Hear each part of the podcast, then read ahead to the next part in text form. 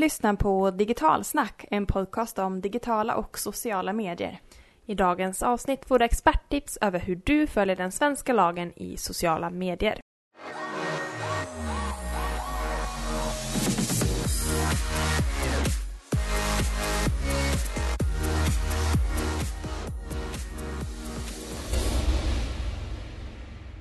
Äntligen! Nu är Digitalsnack här. Ett nytt avsnitt. Podden som får er att lyckas lite, lite bättre i era digitala kanaler. Och kanske till och med bli lite lagligare i era kanaler. Mm, precis, och i den här podden så pratar jag Jenny Lapti och Cecilia Victoria Åslund, två social media-strateger som eh, till vardags driver social mediebyrån Digitalsnack. Mm, och den här podden, det kan ni ju, är ett samarbete med Almi Företags Partner Värmland. Och vill man veta mer om hur Almi kan hjälpa dig som företagare så kan man gå in på almi.se. Mm. Det är ju egentligen sommar kan man säga. Här ute är det ungefär ja, men runt 25 grader varmt eller liknande. Och för några veckor sedan var det typ snö, eller en månad sedan eller så. Så att vädret svänger. Ja, men nu är det varmt i alla fall. Ja. Och förutom att sommaren är förknippad med såklart värme, mygg och vissa kanske badar. Jag är ju inte det i Sverige. Jag det. gjorde det faktiskt igår. det är alldeles för kallt för mig. Eh, så är ju det här med sommartävlingar i sociala medier. Och det är ju faktiskt jättespännande över hur många övertramp som faktiskt görs i den här typen av tävlingar på sociala medier. Jag vet inte, jag har nog slutat räkna på företag som vill att jag ska guida dem i de här hemska gilla och dela tävlingarna. Och det är alltså tävlingar där man ber personer på framförallt Facebook att utföra olika saker för att sedan kunna vinna priser. Och tyvärr så bryter de flesta inte bara mot Facebooks egna regler utan framförallt svensk lag. Mm. Eh, det är två saker jag ofta reagerar på eh, där företag just bryter mot eh, Ja, och den ena grejen är lotterilagen. Den är ganska vanlig att man byter, eh, bryter mot. Och det andra att man inte har koll på skatteregler kring vinster. Det är ju faktiskt så att ger man bort en vinst som är värd över 1300 kronor det baseras på 0,03 av prisbasbeloppet. Men ja, då måste ju vinnaren betala skatt och det behöver man informera om. Ja, det är ju lite komplext med just de här skattereglerna förutom svensk lag. Och sen har vi det tredje, Facebooks egna regler. Mm. För att få nyttja den här plattformen så behöver vi förhålla oss till även dem. Eh, och det man kanske inte vet det är ju att man inte får uppmana någon att utföra en handling för att vinna något. Så att egentligen får inte du säga att man måste gilla sidan för att eh, kunna vara med och tävla om det här. Mm.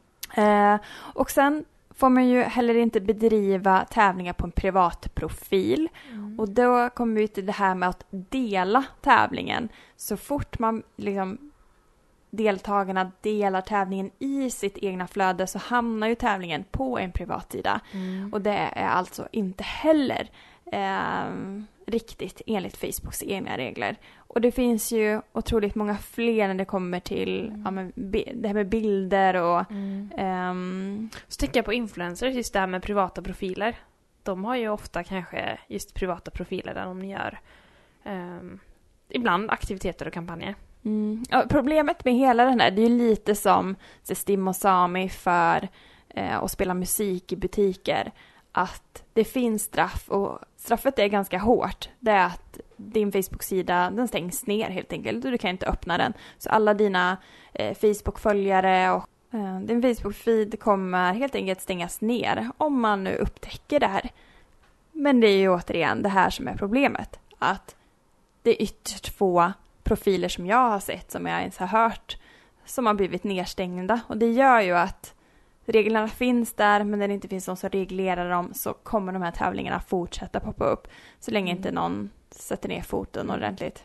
Och det här, det här blir ju man ser, eftersom man ser så många sådana tävlingar som inte följer reglerna så kan det ibland som företag vara kanske svårt att även veta om. Har man inte läst regeltexterna så, så tydligt så kanske man inte vet om att man bryter mot lotterilagen och alla andra möjliga lagar. Ja men precis, ja. för att det ger den här extra boosten. Man ser ju ah, vilka lång räckvidd vi fick ja. eller hur många likes, fler likes man fick på sidan. Mm. Så att man, man går igång på det och skiter egentligen i reglerna. Mm. Och för att ta reda på vad man får och inte får göra på sociala medier så har vi faktiskt eh, pratat med Sveriges främsta experter på marknadsrätt. Vi träffade nämligen Cecilia Torelm Thornberg som är advokat på Marlaw. Och Marlaw är just en advokatbyrå som specialiserar sig på marknadsrätt. För att prata mer om vad man ska tänka på, vad man får göra, vad man inte får göra. Hur håller man sig laglig helt enkelt på sociala medier.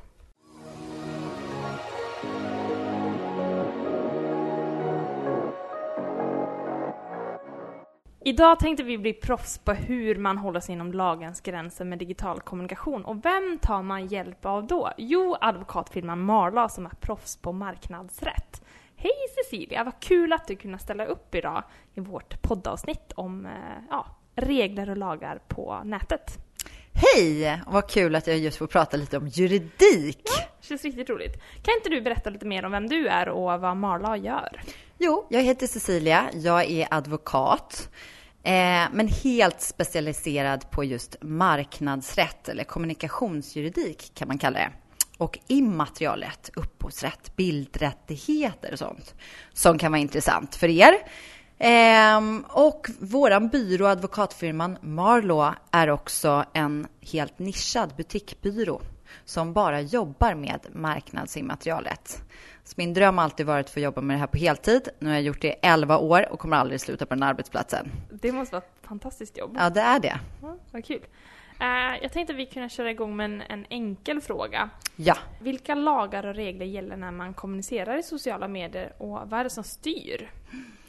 Enkel och enkel fråga, kanske den svåraste av alla. Nej, men så här är det. Det är egentligen samma lagar och regler som gäller överallt annars. Mm. Ehm, det är upphovsrättslagen, marknadsföringslagen och egentligen allting som rör kommunikation. Så vi har ett helt batteri fullt av lagstiftning som är tillämpat när vi just kommunicerar i sociala medier.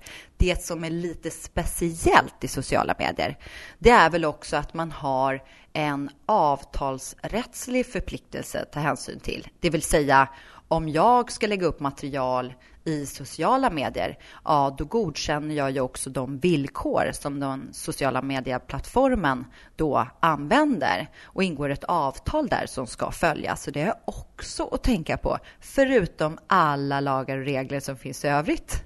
Så det är liksom hela svenska lagstiftningen eller lagboken ja. plus de eh, som sociala medieplattformarna som Facebook till exempel har Precis. Stiftat. Så kan man enkelt förklara. Det blir väldigt många. Mm. så, ja. eh, vi börjar närma oss sommaren just nu. Ja. Och då kan jag tänka mig att det är väldigt många företag som har olika typer av tävlingar och kampanjer. Och jag kan lite misstänka att här eh, hamnar man ibland i gråzonen. Har du några bra exempel på vanliga misstag företag gör? Eller vad, vad är det de har för frågor inför ja, sommaren? Absolut. Vi får ju väldigt många frågor, särskilt inför sommaren som handlar om kampanjer och olika tävlingsupplägg egentligen. Eh, det är ju ett bra sätt rent kommunikativt för att driva trafik just i sociala medier. Det man ska känna till då, det är ju att vi har ju en reglerad spelmarknad i Sverige, vilket gör att man får ju till exempel inte anordna tävlingar som är helt slumpartade, lotterier, utan tillstånd. Och för marknadsföringslotterier så får man enligt praxis inte tillstånd. Det betyder att det är helt olagligt. Mm. Så du får inte anordna en tävling i sociala medier där du lottar ut till exempel en produkt eller en förmån, utan det måste vara prestationsbaserad. Man måste alltså göra någonting, till exempel skriva en klurig slogan och sen ska en jury välja ut vem som vinner. Ja, men då är man hemma och det är en lagligt upplägg. Hur funkar det? Man ser ju ganska många tävlingar som har att man behöver kanske svara på en rätt enkel fråga. Som jag skulle anta att bli en slumpartad till exempel. Vad heter vårt nyaste kaffe? Eller något liknande. Och så lägger man på en motiveringsfråga. Räcker motiveringen också för att det ska bli någon typ av prestation? Faktiskt. Det är lite konstigt. Men eh, enligt praxis så har det då framkommit att en motivering om varför jag själv ska vinna är tillräcklig prestation Eh, för att man då ska vara på rätt sida. Så det är faktiskt ett bra upplägg som jag kan rekommendera. Först en, en kunskapsfråga kanske så att man kan sålla ut ett hanterbart deltagarantal och sen så det utslagsgivande momentet ska vara prestationsbaserat i det fallet baserat på en, på en motivering och varför man ska vinna. Så lägg till bara den delen så har vi ett, ett bra upplägg. Till det ska vi veta att när man gör tävlingar i sociala medier så kan ju då plattformen själv ha vissa egna regler. Det kan vara baserat på lagstiftning men också då egna användarvillkor som går lite längre än våran svenska lag. Eh, ett exempel skulle kunna vara just Facebooks regler där man inte tillåter att man delar vidare tävlingar eh, på eh, vänners tidslinje till exempel eller uppmanar till delningar. Så då får man titta vad som står i, i användarvillkoren och utforma sina tävlingsregler också så det harmoniseras då till den aktuella plattformen. Ja, just det. det.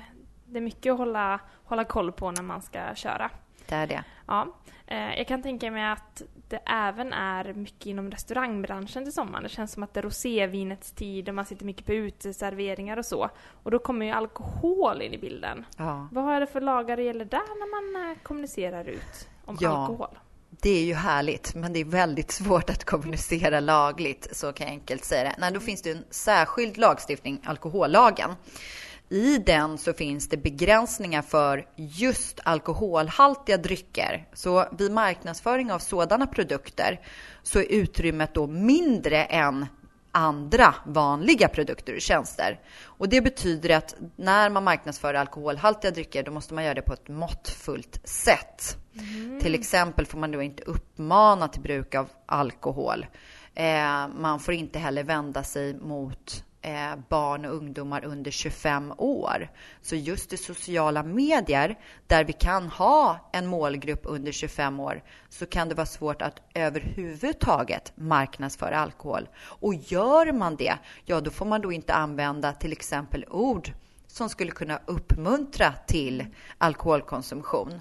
Eh, det som finns tillåtet enligt praxis, ja, det är tidningsannonsering egentligen där man bara visar varan, råvaran med en varningstext. Så typ en, en drink som ser ut som en mojito, det behöver kanske inte vara alkohol i den heller och så bara mm vad skönt och trevligt eh, en eh, solig sommardag Ja. på Instagram. Skulle det... Det är bestämt omåttfullt uppmanande till Ja. bruk av alkohol. Ja. Om vi nu har en annonsör som ligger bakom detta. Om Eh, det inte är annonserat då, att det bara är i ett flöde?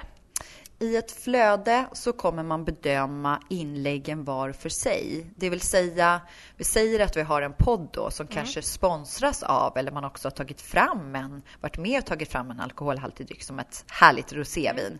Ja, då man pratar om just den produkten i podden så kommer innehållet när man pratar om produkten att anses vara marknadsföring. Och då gäller de lagarna och reglerna, så där är man inte skyddad av någon yttrandefrihet alls, utan det är då olämpligt och ska göras på annan plats. Är det bästa Känns- rådet? Ja, klurigt det här och vi Ja. Mm. gör det ännu svårare. Vi ser att vi har en eh, krögare då som på sin privata Instagram-profil lägger upp en, eh, en mojito-bild och pratar om hur trevligt det är på, på krogen. Ja, det är också en bra fråga. Alltså privata konton kontra när man gör någonting företagets namn. Eh, jag kan utgå från mig själv. Alltså jag har också ett privat Facebook-konto. Men om jag lägger upp någonting, till exempel en bild eh, från dagen och vilken eh, trevlig och intressant podcastinspelning vi hade idag. Då kommer det också att utgöra, alltså vara marknadsföring av advokatfirman Marlow. Allting som jag gör i min tjänstutövning. Trots att jag faktiskt tycker att det här var väldigt roligt och Ja. intressant så kommer det anses vara marknadsföring. Så där blir det ingen skillnad. Utan här har egentligen företagen en stor utmaning att styra upp hur privata konton faktiskt används. För här blir ju arbetsgivaren ansvarig för det anställda kan sprida, vilka påståenden och uttryck används eh, och så vidare. Och det tycker jag ju att man som utgångspunkt ska reglera i en särskild policy eller ett anställningsavtal för att man ska, det ska vara hanterbart. Och det ser jag också ute på marknaden att fler och fler börjar ta till sig och har policies för.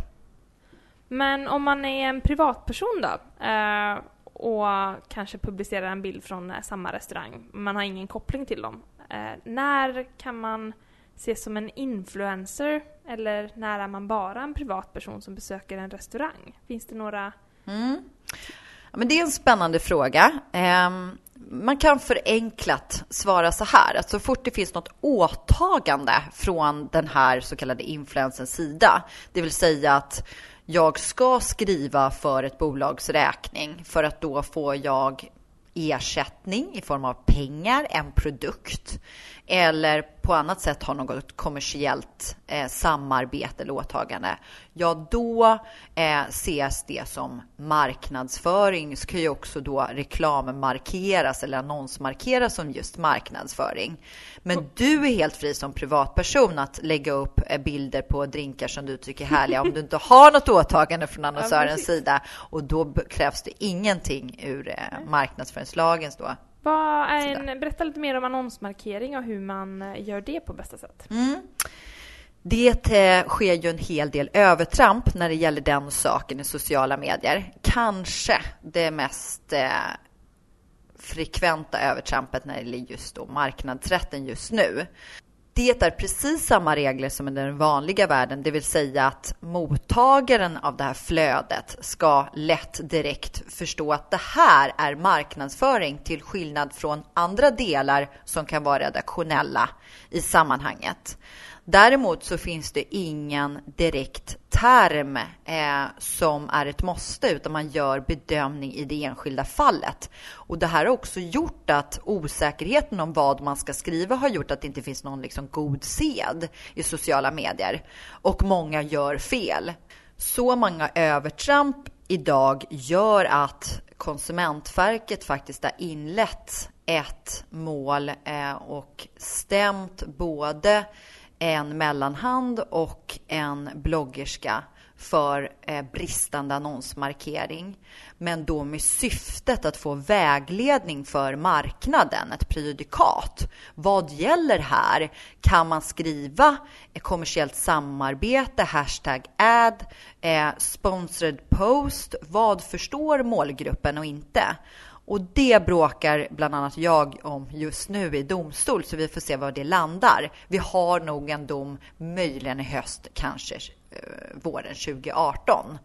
Men det viktiga är att komma ihåg det är att det ska då markeras när det är ett kommersiellt samarbete och man får utgå ifrån målgruppen. Vad tror man är tydligt att de förstår direkt att det här rör sig om reklam? Um, jag förstår att det här finns det ju tydligen inte en tydlig regel på vad som är rätt eller fel. Men hashtag reklam eller hashtag ad, skulle vara din åsikt i det?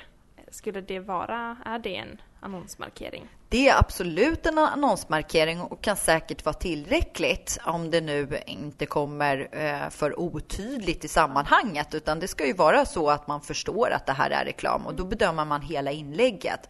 Så det kan också vara vad man skriver i övrigt och hur bilden ser ut eller vad det nu är inlägget handlar om. Så man får ha en liten magkänsla där, men det viktiga är att man försöker på bästa sätt att göra det tydligt. Eh, det var väldigt många intressanta tips och vi fick se lite mer om eh, hur man kan jobba med sociala medier på ett lagligt sätt. Men hur ser det ut i framtiden? Kommer det komma några lagförändringar, något som kan ske eh, framöver som påverkar oss kommunikatörer? Ja, men faktiskt. Det händer väldigt mycket på lagstiftningsområdet. Dels på grund av den harmonisering som vi ser i Europa. Det som ligger närmast i hands är att vi ska få en helt ny data personuppgiftshantering, dataskyddsförordning som den heter. Vilket gör att som vi hanterar personuppgifter idag med tillstånd eh, och samtycken eh, kommer bli harmoniserat och lite tuffare. Eh, så det måste vi ställa om till och få prata om det i trädde kraft 2018 då. Någonting annat är just tävlingar och vår spelmarknad. Där finns det en utredning om att det faktiskt eh, ska förändras. Så de här reklamlotterierna jag pratar om, det finns en möjlighet att i framtiden kan det bli lagligt i Sverige. Men vi är inte där ännu. Vi ska få ett licenssystem på plats för alla utländska spelbolag och så vidare som nu inte får marknadsföra sig till den svenska marknaden. När tror du ungefär om en sån förändring ja. går igenom? Det ska bli till årsskiftet 2018, är planen. Så ja. får vi se om planen håller. Vad spännande. Mm. Ja, men hur håller man sig bäst uppdaterad då? För att veta vad som är aktuellt? Man fortsätter lyssna på er podd. Där man kan återkomma. Det var bra tips. Ja. ja. Nej, annars är det ganska svårt eftersom det är så många olika regelverk. Så det är faktiskt en vanlig fråga jag får. Eh, det är klart att jag ska säga att ni kan alltid vända er till mig så svarar jag på alla frågor. Men eh, jag har ju saknat en, en tjänst som sammanställer all information. Har varit med och tagit fram en sån och den heter JP Marknadsnät med Marlo. Det är JP Infonet som tillhandahåller en informationstjänst där man med licens då kan få nyheter, uppdateringar och också en, en, en databas där man kan söka svar på direkta frågor och all lagstiftning och praxis. Mm. Så det är en bra tjänst. Annars så kan jag säga att Konsumentverket har bra information där och hittar vägledningar för vissa produkter och tjänster. Och tillhör man en viss bransch, som alkoholbranschen till exempel, mm. då finns det ju egna etiska eh, riktlinjer och en alkoholgranskningsman som man kan få information ifrån vad som just gäller för de tjänsterna och produkterna. Så det beror lite på inriktning också. Mm. Och vad händer då om man råkar bryta mot någon lag? Ja, då åker man i fängelset. Nej, det gör man oftast inte direkt, utan eh, på direkt. kommunikationsområdet så faktiskt så har det varit en viss kritik mot att vi har lite tandlösa eh, just lagar och regler och just sanktionerna då. Eh, så att man tar medvetna risker för att det inte är så stora skadestånd. Det är väldigt liten risk att kanske tillsynen faktiskt utövas och så vidare. Men det vanligaste när det gäller kommunikation är ju att man får ett förbud att använda ett påstående eller ett uttryck, framställning i text och bild i framtiden. Och gör man om samma sak, ja men då får man betala ett vite som det kallas, som är ungefär schablonmässigt någon miljon. Eh, så det är det vanliga, att man det får rättelse. Det bränner nog i plånboken för eh, de flesta företag, tänker jag, om man råkar för ett sånt vite. Absolut. Det finns också direkta marknadsstörningsavgifter som kan bli upp till 10 miljoner, så det finns mm. hårdare sanktioner. Mm. En sista fråga. Vem skulle du vilja höra i vår podd? Ja, jag har ett tips på en kille eller en man, Fredrik Holmström, som jobbar på Social Media Lab. Han är expert på just sociala medier-kampanjer, hur de ska utformas, hur man kan göra för att kommunikationen ska bli framgångsrik. Och dessutom så har han en del juridiskt kunnande och har utbildats en del av mig så att han kan också göra lagliga framgångsrika kampanjer. Så det är mitt heta tips att ta med honom. Det känns som ett eh, bra steg två efter att ha listat på det här. Precis. Ja. Du, tack så jättemycket för att vi fick komma hit. Tack för att jag fick vara med.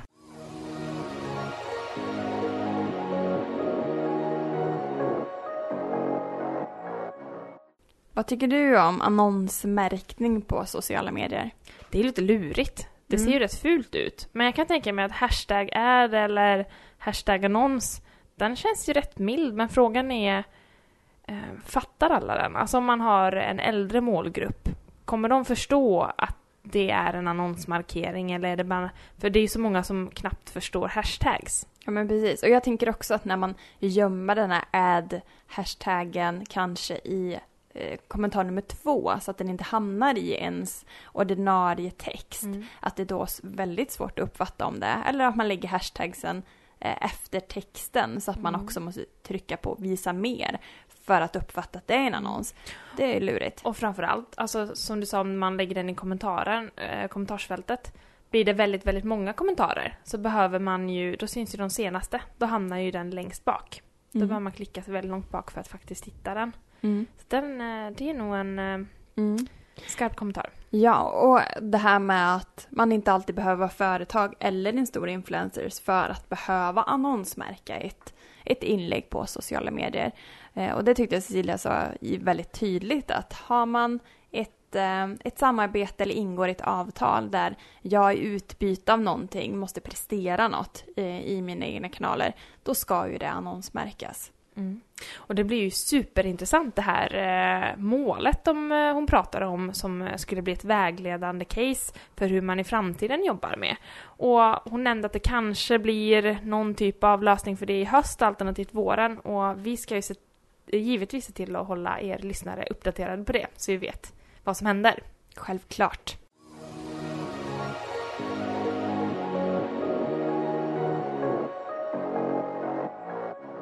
Och det var allt för oss idag.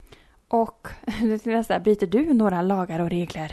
Diskutera med oss. Men eh, hur tycker ni att alla de här reglerna, följer ni dem? Tycker, de, ni, tycker ni att de är krångliga att följa? Eh, diskutera gärna vidare med oss på Facebook, Instagram, Twitter eller LinkedIn. Mm, och glöm inte att ratea oss på iTunes eller Soundcloud. Mm, och ett nytt avsnitt kommer om två veckor igen.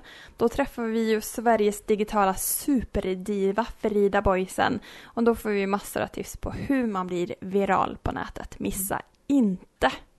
Digitalsnack är ett samarbete med Almi Företagspartner Värmland. Tack och hej!